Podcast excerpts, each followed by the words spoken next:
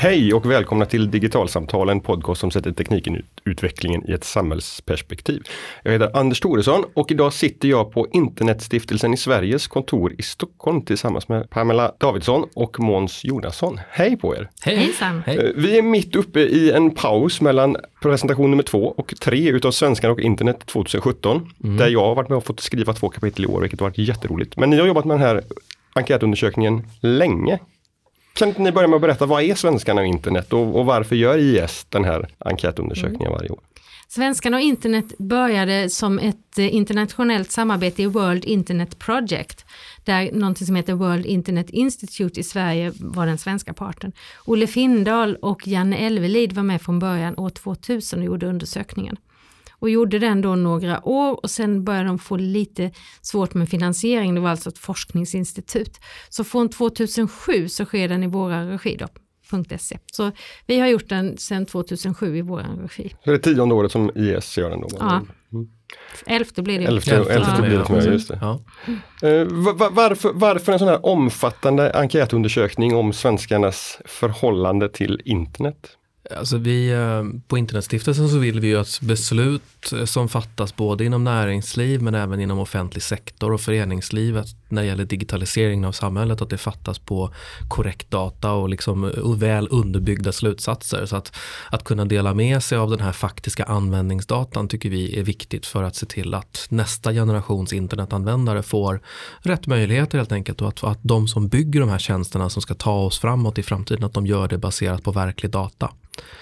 data om hur svenskarna använder internet. Ja, precis. Mm. Och hur vi använder internet, vad vi gör på internet och, och det finns ju jättemycket data i svenskarna och internet och, och, många, det som är lite unikt är ju att vi har den här bredden. För att det finns ju medieundersökningar nu för tiden som nästan börjar likna svenskarna och internet, så mer och mer media är på internet. Men svenska och internet är ju lite unik för att den dels har så pass lång eh, historik mm. att vi kan titta tillbaka till år 2000 och, börja, och se utvecklingen över tid. Och också just bredden, att vi, att vi kan ställa saker i relation till varandra på ett nytt sätt. Mm.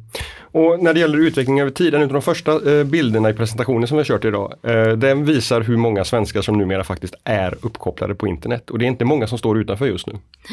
Det är 94 procent av svenska befolkningen som använder internet. Och då räknar vi att de är över 12 år. Så mm. det är 8,5 miljoner. Och 94 procent av dem blir 8 miljoner då, som är internetanvändare i Sverige. Och en halv miljon som då inte är mm. internetanvändare. För det är ju viktigt att komma ihåg att även om procentsiffran börjar se fantastiskt bra ut så i absoluta tal så är det fortfarande en ganska stor mängd svenskar som inte är uppkopplade mm. nu. Vilket kan ju ställa till problem när allt mer förväntas göras på nätet. Precis, men det som skiljer eh, nu, nu de som står utanför nu har ju väldigt ofta valt att stå utanför. De, de väljer att inte hoppa på internet för att de helt enkelt saknar intresse. Mm. Det, det, har ju du i din presentation ja, precis, att det är den vanligaste och, och, och det anledningen. Blir, det, det blir jag väldigt fascinerad över. Jag, jag trodde ju att att det nu skulle vara andra faktorer än just intresse och, och användbarhet, nytta med internet som, som är den främsta anledningen. över hälften av de som inte använder nätet säger att det beror på, på de två sakerna. Mm, jag tror att de, de, är så pass gamla ju, de flesta av dem, mm. att de känner att de orkar inte lära sig något nytt. Eller de Nej. förstår inte riktigt poängen ska man nog säga. Nej. De tycker väl att tv och radio och tidning funkar lika bra som det gjorde för 20 år sedan och de ser inte riktigt det Facebook och vad det är för någonting, det är liksom ingenting för dem. Jag tror det är mycket den attityden, det är i alla fall den som jag möter bland äldre när jag mm. träffar äldre som inte är på nätet. Och jag tror också att de äldre som inte är på nätet nätet har inte funnits i deras liv när de arbetade innan de gick i pension så var inte internet så utbrett. Mm. Eh, så tror jag. För, för, det är ju intressant att utav den här halvmiljonen då som inte är internetanvändare så är 430 000 utav dem är 76 år eller äldre. Mm. Så att bland oss som är arbetsföra och, och studerar och yngre, där är det nästan 100% faktiskt nu som, som är på nätet. Mm. Mm. Men det här, det här öppnar ju också för, för att det finns ett behov utav eh, att att förhålla sig från, kanske framförallt från myndighetshåll men också från företag till den här stora gruppen äldre som, som fortfarande är icke-användare. Verkligen, men jag, jag börjar undra om det inte är så att även i många av de som säger sig inte använda internet att de har någon sorts ombud som gör det åt dem. Att de har unga släktingar eller andra hjälpredor som, som antingen sköter affärer åt dem på internet mm. eller helt enkelt kommer hem och hjälper mm. dem logga in. Liksom. För att det, idag börjar det bli svårt att förstå hur man ens agerar i samhället utan att någon gång kunna använda digitala tjänster Det blir ju allt svårare att stå helt utanför. Och det ser man ju också i svaren att, att många av de som inte använder internet själva säger faktiskt att de, de skickar andra att göra internetärenden åt dem. Så att internet är ju trots allt närvarande i deras Ja, liv även om de inte är, liksom, är den faktiska internetanvändaren själv. Och det är Precis. också fint på något sätt Ja. att, att de då Internet by proxy. Internet by proxy, ja precis. Ehm, men Måns, du, du har pratat mycket idag om att Facebook och, och vad Facebook egentligen är på väg att bli. Ja, det här är en utveckling som vi har sett på, på lite längre sikt. Jag har pratat i några år, slutade prata om det förra året, men fram till förra året så var jag den, en av de som väntade på att Facebook-bubblan skulle spricka. Att någonstans så kommer folk att ledsna på Facebook och helt enkelt börja lämna plattformen. Det måste komma någonting annat som tar över. Det har ju inte hänt. Där får jag erkänna att jag hade totalt fel. Facebook fortsätter ju att öka eh, och nu är det 74% av internetanvändarna som är på Facebook och många är ju där dagligen.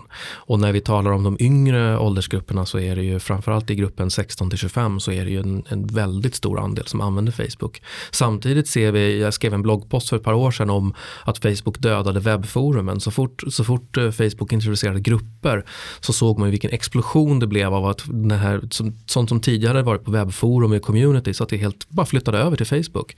Och Facebook Messenger nu som är den näst största kommunikationsplattformen på internet, e-post når 97% så den är fortfarande störst. Men sen är det Messenger. Så om vi tar kommunikation mellan, från person till person. Nu kan man ringa via Facebook. Vi har det klassiska Facebook att dela bilder och liksom hålla kontakten med släkt och vänner. Och så har vi den här organisationerna som pratar via Facebook, företagsinformation, krisinformation. Facebook är infrastruktur och det måste vi förhålla oss till att vi har lagt så pass mycket av vår absolut viktigaste, mest intima och, och samhällsnyttiga information i ett amerikanskt företags händer. Och det kommer inte att ändra på sig utan vi måste bara helt enkelt gilla läget och fundera på vad det innebär i framtiden. Vad, vad tror du att det innebär då? Alltså, det är ju jättespännande att säga om, men en, en sak som det innebär är ju att det sättet som vi använder och förväntar oss att kunna använda Facebook på idag, det är ingenting som är självskrivet att det kommer att funka likadant om två eller tre år, därför att den utvecklingen sker någon helt annanstans. Om amerikanska lagar ändras så att Facebook inte längre kan ha en viss typ av feature i USA, då kommer man antagligen plocka bort den eh, överlag. Och eh, det här har vi ju sett också när det gäller till exempel att det är den amerikanska COPPA-lagen, Child, Child Online Protection Act, som säger att man måste vara 12 år för att vara på sociala medier. Det gäller ju. Facebook har ju en 12-årsgräns. Det är ingen svensk lag som säljer det, det är en amerikansk lag. Det är också väldigt amerikanska eh, moraliska eh, liksom, regler som gäller om man får posta bilder på bröstvårtor eller inte på Facebook. Det här har vi hört jättemycket om. Men i och med att Facebook blir en så pass viktig del av svenskt samhälle så tycker jag att den debatten om är det här klokt och vad ska vi göra och hur ska vi hantera det här, den blir bara viktigare och viktigare. Men att det här att, att Messenger är, är nummer två efter e-post. Jag tycker det ändå är fascinerande att vi fortfarande säger att e-posten är, är det som toppar. Mm. Och- Håller ni inte med om det? Jo, Ja. Men eh, alltså, e-posten är ju infrastruktur på riktigt. E-post, det går ju inte att starta ett Facebook-konto utan att ha en e-postadress. Nej. Det går inte att starta liksom nästan några, nästan alla konton använder ju e-postadressen som en sorts nyckel. Så att på så sätt är ju e-post fortfarande liksom någon sorts grundbult i internetbygget, även fast det kommer nya tjänster hela tiden. Det var ett litet trendbrott för några år sedan när Snapchat tror jag och en del andra började låta en registrera via telefonnummer istället för e-postadress. Men generellt så är det fortfarande det som är nyckeln och det, det som är bra med e-post utöver att det är en distribuerad tjänst som då inte ligger hos ett amerikanskt företag, även om många använder Gmail så har man lite samma problem där. Men det går att flytta e-post, det går ju inte att flytta från Facebook. Ja. Men det som också är bra med e-post är ju det här uppenbara asynkrona fenomenet. Att man, man kan skicka tre meddelanden nu och det förväntas att den som tar emot meddelandet när den har tid och svarar när den har tid. Så det, det finns en viss asynkron kommunikation där som jag tycker är lite unik. Mm. Så den finns ju verkligen i, i alla åldrar. Vi pratar om de här äldsta, även de, alltså de över 76 år. Så hälften av de som använder internet använder ju e-post varje dag. Mm. Och det är mer än vad de yng, yngre gör också. Så den är ju verk, verkligen spridd och använd i alla åldrar. Mm. Eh, En annan av de första slides som, som du visade handlade om två-treåringarna som också blir allt större internetanvändare. Ja. Nu är det ju eh, tre, fyra av fem tvååringar, två treåringar använder internet, alltså 79 procent av tvååringarna och 86 procent blir det. Och hälften av dem, alltså 49 procent, gör det ju dagligen. Eh, nu får man ju tänka det är deras föräldrar som svarar åt dem. Eh, men det är nog ändå så att de faktiskt aktivt försöker använda internet. Jag hörde en, en kollega här, hennes barnbarn kan i och för sig inte skriva in lösenordet på padda men gör hon väl det åt barnbarnet så kan barnbarnet själv hitta Youtube, välja bort reklamen och hitta de filmerna han vill se på Youtube. Två år gammal. Mm. Jag såg ett härligt viralt klipp med en liten sån där som knappt kunde gå. Som kom hem till sin farmor och hittade ett eh, familjeporträtt på mamma. Jag tror det var ett bröllopsfoto på mamma och pappa. Och direkt gick fram och försökte swipa på den för att liksom byta bild. Och det var ett foto liksom. Ja. Men för dem är det, alla bilder är touchskärmar. Mm. Och, och, det där är, jag tror det bara kommer bli mer. Mm. Mer och mer och mer av det. Och, och, det här kopplar ju till det här som, som det pratas om också i, i, med anledning av den nya eh, reviderade läroplanen som kommer för, för grundskolan. Det här att de unga är duktiga på att använda tekniken. Men de är inte alltid så duktiga på att reflektera kring dess konsekvenser. Um, och det, det, har vi ju också frågats, eller det har de också fått frågor om när det gäller källkritik och så vidare. Och där är det då också viktigt att påminna sig om att de unga har ofta en upplevd bättre källkritisk förmåga än vad de äldre har, visst är det så? Mm, jo. Ja, och de säger ju att de har fått utbildning i skolan. Mm. Eh, det tyckte jag var väldigt intressant för det, det tyder ju på att vi ändå har lyckats lyckats få in källkritik i stor utsträckning, kanske inte överallt, men i stor utsträckning i skolan. Och att de elever som går ut grundskolan och gymnasiet nu faktiskt får lära sig om källkritik. Det tycker jag känns jättebra att se att det fungerar. Däremot så blir det ju ett väldigt tydligt glapp sen mot de äldre, som de som inte gick, går i skolan nu, utan som kanske är 35 och uppåt. De har ju inte fått den källkritiksutbildningen. De har ju kanske vuxit upp i ett samhälle där det bara fanns eh, liksom tidningar och tv och sånt som var journalistiskt granskade produkter. Och mm. Det är ju en helt ny medievärld som de måste lära sig att hantera. Mm. Och vi ser ju undersökningar att ju äldre man blir, desto sämre tycker man själv att man är på att bedöma om information på internet är sann eller inte. Så det är en jätteutmaning att, att höja det källkritiska tänkandet även hos de äldre. Mm. Och vi har ett val nästa år som, som det här kommer ja, bli hö högaktuellt. Precis, vi har ett val nästa år och vi såg vad som hände i USA med det valet. Och eh, samtidigt som de äldre säger att de är sämre på källkritik så har vi också sett att de är de som delar allra mest på Facebook. Så att de, de delar mer än ungdomar och samtidigt har de sämre källkritik. Och det, det, krävs ju inget geni för att räkna ut vad det ger för effekter. Det här måste vi göra någonting. Mm. Vi, måste, vi måste lära alla att tänka efter innan de delar det de ser. Vem är avsändaren? Varför har de postat det här? Vad får de ut av det? Det är liksom grund, grundläggande frågor som alla behöver ställa sig innan de delar till hela sitt flöde. Och det har ju varit ganska gott om skandaler på senare år där någon politiker har råkat dela något som sen visar sig vara från en nazistisk mm. grupp. Eller så. så att alla måste tänka på det här hela tiden. Det är tråkigt men alla måste tänka på det hela tiden. Pamela, i en av dina slides så, så, syns det också det tydliga med att Facebook är en plattform. För att för första gången så har det ställts frågor om vad man använder Facebook till. Mm. Och spridningen är väldigt stor där. Det är ju allra vanligast man gör på Facebook är ju att använda Messenger-tjänsten, chatta. Mm. Det är 80 av, 81 av Facebook-användarna som använder det för att chatta. Det näst vanligaste är ju att delta i grupper. Det är någonstans över, strax över 60% som deltar i grupper. Så det är ju någon slags forum för att kunna umgås. Sen omkring hälften av Facebook-användarna är det ju som delar andras innehåll eller skriver eget innehåll och strax under det 46 procent tror jag det som lägger upp bilder på Facebook. Så ungefär hälften av Facebook-användarna är ju aktiva till att, att göra någonting där. Sen finns det också på Facebook den här för, eh, möjligheten att man kan arrangera event. I och för sig händer de inte på Facebook men man hanterar själva ska, skapandet och inbjudandet och, gästlistan. och, ja, gästlistan och diskussionerna och så. Och det är ju 40% av Facebook-användarna som har varit med på event då. Och det är 20 alltså var femte Facebook-användare som har skapat ett event där någon gång. Och sen var det en 11 procent som spelar spel på Facebook. Jag trodde det var mycket mer, för jag tycker det för några år sedan var det hela tiden man såg att de hade ville att man skulle hjälpa dem till någon annan nivå i Candy Crush eller man skulle köpa kossor eller vad det var. Farmville och så. Men, men att, det, att, den siffran blir så låg, det tror jag är en, ett tecken på hur starkt inflytande Facebooks algoritmer faktiskt har. För det är ju känt att de har riggat om de algoritmerna så att de inte ska lyfta fram den typen av innehåll utan andra saker istället. Så att när Facebook gör de här ändringarna då slår det igenom i, i användarsiffrorna också givetvis. Mm, och vi såg ju, alla som driver Facebook-sidor såg ju för några år sedan hur, eller för ganska många år sedan nu, men det var väldigt tydligt när de skruvar algoritmen så att man inte längre nådde alla sina följare. Precis. Under lång tid så kändes det som att hade man 10 000 likes då kunde man kommunicera med de 10 000 personerna. Idag vet ju alla som jobbar med Facebook att det gör man inte. Man når i bästa fall 5-10% med en vanlig tråkig statusuppdatering som inte blir spridd och delad. Sen får man köpa sig räckvidden och det här är ju, det är, det är naturligtvis Facebooks affärsidé, inget ja. konstigt i det. Men det är återigen då, med tanke på att vi börjar betrakta det och behandla det som infrastruktur och lägger mer och mer av vår aktivitet där, så måste vi fundera lite på vad betyder det i förlängningen? Ska kommuner, landsting, organisationer, statliga verk, ska de informera och betrakta det här som en informationskanal som alla andra? Eller ska, och ska de köpa räckvidd av ett amerikanskt företag för att nå medborgare? Jag tycker det här är jätteintressanta frågor. Jag tycker inte vi har pratat om dem tillräckligt mycket. Ja.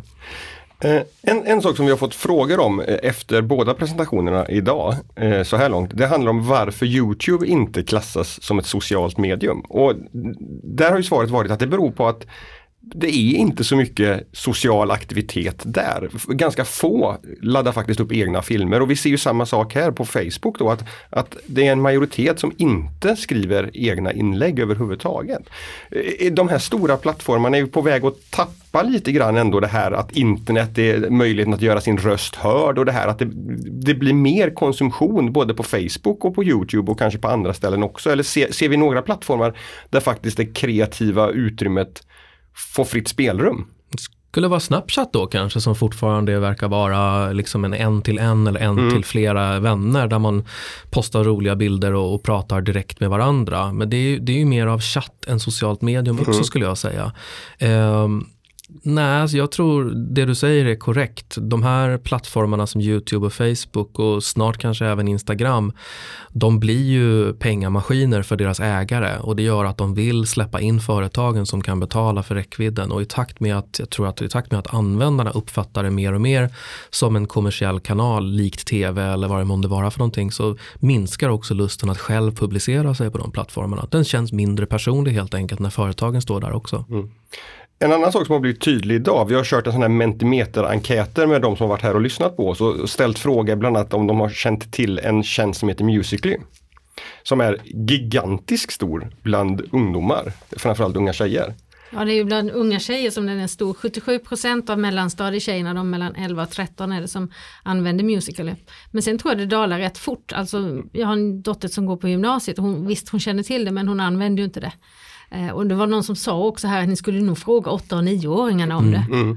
Men, men, det som jag tycker är fascinerande i det här är att de som varit här och lyssnat idag, en majoritet har varit kommunikatörer, det är liksom folk som jobbar med internet. Mm. Och ändå så har kännedomen om den här appen som är jättestor i en, i en förvisso ung målgrupp men ändå en, på sikt en intressant målgrupp för dem i sin yrkesutövning. Att, att, att det fortfarande finns en möjlighet för appar och tjänster att glida under radarn mm. på, på, från, från vuxenvärlden och från... Det, jag bara tycker att det är en fascinerande iakttagelse. Att... Ja, det, det, är häftigt för det säger lite hur stort internet har blivit. Att det nu kan dyka upp tjänster som tilltalar en väldigt smal målgrupp och därför har man aldrig hört talas om den. Uh, mina barn använder en app som heter Amino eller Amino som är en sorts, uh, ja precis. Ja, nu, ja, nu rynkar jag på ja. mina ögonbryn, den har jag inte hört talas om Den är inte särskilt stor men, men poängen med den är att man har en app som heter Amino och så, så finns det en massa olika communities i den, ungefär som Reddit eller så. Okay. Men det är community, det finns en Minecraft Amino, det finns en Undertale Amino och massor av olika spel och sådär och så kan man skapa sina egna. Och den där håller på att bli jättestor. Men om man inte själv råkar vara intresserad och få liksom hör talas om att ah, om du gillar Minecraft då ska du gå in på den här då, då, då, ser man den ju aldrig. Och så tror jag det är med Musical.ly också. Det sprids väldigt mycket mun mot mun-metoden, mm. eller mun till mun-metoden. Att eh, de här unga tjejerna de pratar med varandra och visar varandra, kolla vad jag ser och kolla vad jag gör. Så det sprids inte i de här klassiska kanalerna och så tror jag det kommer fortsätta vara. Ska man, starta en, ska man försöka starta en ny tjänst eller en ny app nu, då ska man inte tänka jag ska starta en Facebook-dödare, utan man ska snarare hitta en specifik målgrupp som är så smal att man känner att här kan jag göra någonting som Facebook inte kan göra. Mm. Det tror jag. Det, mm. det är liksom nyckeln till framgång. Hitta ett, ett framgångsrecept. Det här gör vi och det här gör vi bra. Och jag tror att det kommer bli mer av det. Smalare och smalare och smalare samtidigt som tjänster som Facebook och YouTube blir liksom bredare och bredare och blir infrastruktur. Mm. Det, det, det, ja, just det. Mm. Mm. Och vi, har, vi har lite statistik på, på det här. Äh, ja, vi frågar föräldrarna helt enkelt om, om de känner till om de känner att de är insatta i sina barns liv på nätet. Vi frågar också om de känner till vilka online som barnen använder och det är ju hälften av föräldrarna säger ju att de känner till de flesta och lägger du till 30% till så har du de som känner till en del av dem i alla fall. Eh, och sen frågar man om de vet hur det fungerar och det tycker de också att de vet men sen frågar de om de själva är aktiva och har konton på tjänster som där, där barnen är då. Så är det ju 20% som säger att de eh, har ett konto och 40% som säger att de har konto på en del av dem. Så de tror att de känner till en massa och sen när man frågar dem så finns de inte där och det är ju lite samma sak då som med Musical.ly och sådär. Man tror att man har koll fast just tjänsterna har man inte så. Och så tänkte jag bara även på, på som Snapchat. Jag har inte så stor koll på vad det finns för innehåll på Snapchat fast jag använder det. Jag ser vad mina vänner postar där. Men jag ser ju inte så mycket annat vad mina barn egentligen har. Jag kan se att de sitter och gör flamsar men inte så mycket mer än så. Nej, det är ju det här med vem man delar vad med. Mm. Att, att, Snapchat är ju en väldigt privat plattform. Många skickar ju direktmeddelanden och saker och även i små privata grupper. Så det är ganska lite som man postar till sin publika story. Så, så det, det, är ju, det är ju det nya sättet att använda digitala tjänster skulle jag säga. Facebook från början hade ju inte ens möjligheten att styra vem som såg utan alla ja, dina vänner såg allt du mm. postade. Och med åren har de blivit finkornigare och finkornigare och finkornigare. Och det kanske Snapchat också kommer att tvingas göra, skapa nya sätt för det. det. Det kommer vi in på en annan intressant del i ett av de kapitlen som jag har skrivit, det här med eh, den personliga integriteten. För det har ställts frågor om om man uppfattar att man, eller att man, att man hur väl man instämmer i påståendet om att man kan justera, ha koll på vem som får se det man laddar upp på nätet. Och, och det där ty tycker jag är intressant därför att ju yngre man är, desto mer tror man att man har den här kontrollen. Väldigt många utav de andra sådana um, ehm, förmågefrågorna som, som man har fått svara på. Där är det ju snarare så att ju äldre man blir eh, så, så känner man en ett större tilltro till sina egna förmågor. Men, men eh, ju, gymnasieeleverna tror mer, mindre på sin förmåga att hantera den integritetsinställningarna än, än vad de yngre gör. Och det kan ju mycket väl hänga ihop med Facebook. Därför att Facebook-användningen ökar ju, ju äldre man blir. Och mm. där är också inställningarna mer komplicerade. Mm. Men, men det här tycker jag också är viktiga frågor att, att hålla koll på. Uh, för skolan kommer det bli det i och med den nya mm. läroplanen, uppdaterade läroplanen. Men, men det finns ju också frågor här om, om den personliga integriteten i förhållande till de här jättarna. Och där, där det finns en större oro över integritetsintrången som jättarna gör än vad, vad eh, myndigheter gör. Och den, den oron är, är tilltagande över, över de åren som de här frågorna har ställts. Vad, vad, vad, tänker ni kring det? Var, varför, varför blir man mer orolig för företagen ju, ju längre vi använder internet? Lite tror jag eh, har med den svenska, den här frågan eh, om man är orolig över att myndigheter eh, in, inkräktar på integriteten, där ligger ju, när vi jämför det här World Internet Project, där ligger ju Sverige rätt lågt. De andra länderna där det är mycket större oro över att myndigheter och regering har insyn i vad man gör. Så jag tror vi svenskar kanske på något vis känner, vi, kan, vi har nog lite förtroende för det hela, känner oss mer bekväma med vi har ju allmänt en hög tilltro till staten mm. i Sverige. Det är ju liksom, gäller ju inte bara internet, utan det gäller ju överlag att vi litar på vår regering, vi litar på riksdagen i, mer än vad man gör i många andra länder där man har haft ett mer turbulent politiskt liv genom åren. Mm. Så det har nog mycket med det att göra. Mm. Men att oron för de stora företagen ökar tror jag handlar om att Eh, fler och fler pratar om integritetsproblematiken. Fler och fler pratar om att Google kan se allt du gör på nätet och liksom att man får höra mer och mer om hur, om hur man spåras på mm. nätet. Fler och fler upptäcker att vänta nu här, jag sökte på skor och nu plötsligt får jag annonser för skor vad jag än är. Vad är det här? Alltså folk blir lite, då vet man inte hur det funkar men på något sätt fattar att aha, de kan se allt jag gör. Då, då tror jag att den här oron helt enkelt ökar. Ju, mm. ju, ju, bättre man blir på internet, ju mer van internetanvändare man är med, desto mer förstår man hur det funkar bakom kulisserna mm. och desto mer tror jag man faktiskt blir lite orolig för integriteten. Mm. Det är ju ingen slump att de som eh, skämtsamt brukar kalla för foliehattar, de som är absolut mest oroliga för integriteten på internet, är ju traditionellt de som är bäst på tekniken, som mm. förstår möjligheterna och riskerna också. Mm. Du har idag lyft det här med annonsblockerare och, mm. och, och just lyft en, en, annan aspekt i det, bortsett från det som, som ligger i namnet så att säga. Ja, alltså, vi frågar ju i den här rapporten om man använder en annonsblockerare. Eh, och det är framförallt unga människor, det är framförallt män som gör det. Men just när vi frågar efter annonsblockerare så tycker jag att vi tar bort lite av funktionen hos en annonsblockerare. För att visst, man, man kanske vill slippa annonser för det segar ner sidan och det blir jobbigt att ladda och så. Men det är också annonserna som är en av de största integritetsbovarna. Det är just de här annonsnätverken som faktiskt spårar dig mest. Och faktiskt, nästan om man börjar läsa lite vad som, vad som de kan se så kan det bli lite obehagligt att tänka att vill jag att alla de här stora företagen ska kunna skapa en psykografisk profil av mig? Jag är inte säker på det. Nej. Så det finns absolut integritetsskäl också till att vilja blocka annonser. Precis, för, för, för det, det, det handlar om är ju att annonsnätverken de visar inte bara annonser utan de samlar ju kontinuerligt in en fruktansvärd mängd data också. Mm. Mm. Eh, ni har varit med och gjort den här enkäten i många år. Eh, om, om ni får liksom blicka tillbaka och ta liksom riktigt helikopterperspektiv på hur de här trenderna faktiskt ser ut. Va, vad är det som sticker ut tycker ni? Ja, jag, jag tänker mer som, som, hur man frågade förr i tiden. Förr i tiden frågade man om de kopplade upp sig på internet, hur, många, hur länge man var uppkopplad på internet eh, och så. Men alltså de frågorna går ju inte ens att ställa längre. Folk, yngre förstår inte ens vad uppkopplade är. Det Nej. låter ju inte di di di du som ett modem utan man bara finns där, vare sig man vill eller inte. Nu är man ju uppkopplad med en sån här Fitbit, liksom, eller, ja, Smartphones och klockor. Smartphones och klockor mm. dygnet runt och det finns till och med i tunnelbanan reklam om att man kan vara uppkopplad dygnet runt för man kan köpa abonnemang på data som är mm. så, så stora. Uh, och sen är det också det här, nu är det ju då 94 procent, det är ju mycket, alltså 8 miljoner svenskar som använder internet, det är mycket. Så man kan ju inte fråga, använder du, kan man knappt fråga mer, utan det är mer hur använder mm. du? Och vad är det för innehåll och så som vi gör nu, hur använder du internet? Facebook. Mm. Liksom att det, man får gå in på specifika tjänster. Ja, jag tycker det är intressant att se över åren hur vi måste tweaka frågorna därför att de plötsligt blir irrelevanta. Och det här händer varje år. att Ofta medan vi, för vi, vi blir lite hemmablinda, så ofta medan vi presenterar så är det någon i publiken som frågar, men förstår, liksom, vad, vad, tänker de som svarar på frågorna när ni frågar här? Är inte det här samma sak? Och då får man alltid en liten tankeställare att ja, den här frågan håller nog på att bli lite omodern. Till exempel frågade vi för bara ett par år sedan frågade vi om man deltar i en community på nätet.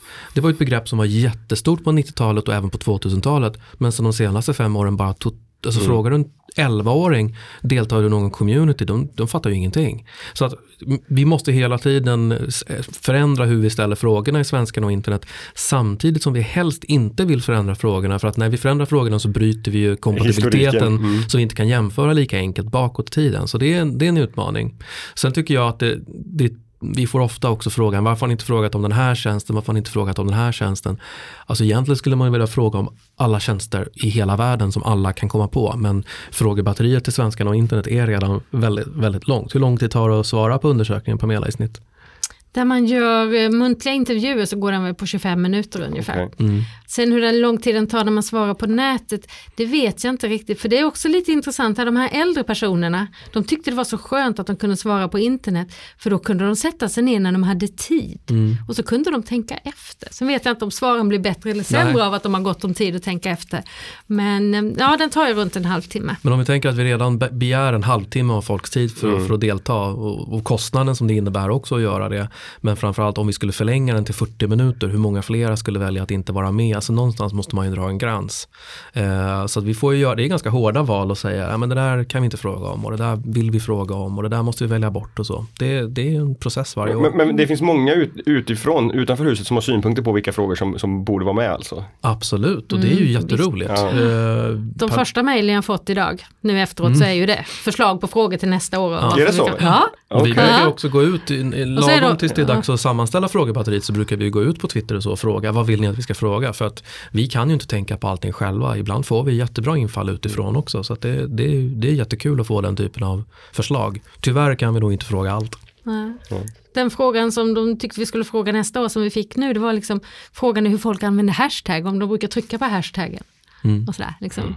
Och då har man ju kommit definitivt ett steg långt mycket längre än att fråga använder du internet? Mm. Utan då är det ju verkligen hur använder du en markör som finns på internet i vissa tjänster? Då måste man nästan först fråga, vet du vad en hashtag är? Ja, det Ja. frågade vi för något år sedan och det tror jag att tre fjärdedelar visste i alla Ja. fall. Eh, men visst, Men, men det här att, att man inte behöver fråga längre om du, du kopplar upp det eller inte. Jag, jag, det- jag tycker att det är en jätteintressant indikation på vad internet faktiskt har blivit. Att det är någonting som, ja, men, som, som finns runt omkring oss precis hela tiden och det är inte någonting som man väljer att, att vara på eller av. Utan blir man nedkopplad så beror det på att eh, eh mobilnätet har gått ner eller att, att eh, mobilsurfen har, har tagit slut den månaden.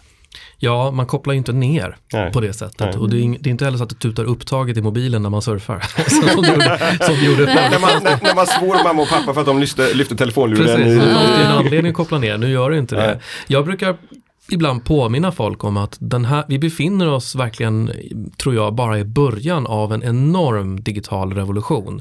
Om man tänker på hur lång tid den här typen av förändringar tar i, i mänskligt beteende. Den industriella revolutionen tog 50 till 100 år innan man tyckte att den var genomförd. Nu har internet funnits i svenska hem i drygt 20 år. Alltså vi befinner oss verkligen bara tror jag i början av vad det här kommer att ta vägen och det ska man inte glömma bort. Allt det här som vi pratar om, alla de här problemen vi tar upp nu, hur ska vi hantera informationen, hur gör vi med integriteten? Det är ju frågor som kommer sig naturligt av att vi plötsligt börjar göra saker på ett helt annat sätt. Och, och det, vi kan inte komma vidare och vi, vi kommer inte att hitta lösningar utan det kommer vara nytt hela tiden. Mm. Om ett år, när vi ska summera Svenskan och internet 2018, hur många svenskar tror ni är uppkopplade på internet då? Hur många har kopplat upp på internet? Ja, hur många har kopplat upp? Ja, det var ju- 95 då. alltså du menar procent? Ja. Ja. Ja. det skulle jag väl tro att det ökar med åtminstone en procent. Ja. Uh, ja, för det, det är ju, om vi tycker att det är de som är över 76 som är, så 40-talisterna håller på att rulla in där och 40-talisterna har barn och barnbarn som är, definitivt är digitala och tycker att de ska vara där. Mm. Och Förväntar de har- sig att mormor och morfar och farmor och farfar kanske finns på nätet och kan lajka deras Ja, och och Instagram-bilder och sådär. ja, ja, de vill, det vill de väl inte. Det är Nej, väl inte kanske så, Nej, det, jag- men, har, men, ja. jag har stoppat upp fingret i luften eh, och sagt att jag tror att om 10 år i alla fall så är vi på 100%. Då finns det inga icke-användare kvar. Och då, då kommer det helt enkelt inte att gå att klara sig utan internet. 2027 håller vi dig Ja, då kommer jag till- tillbaka till- till- och, till- och, till svar och för tittar på facit. Ja. Tack för det här samtalet. Tack. Mm, tack.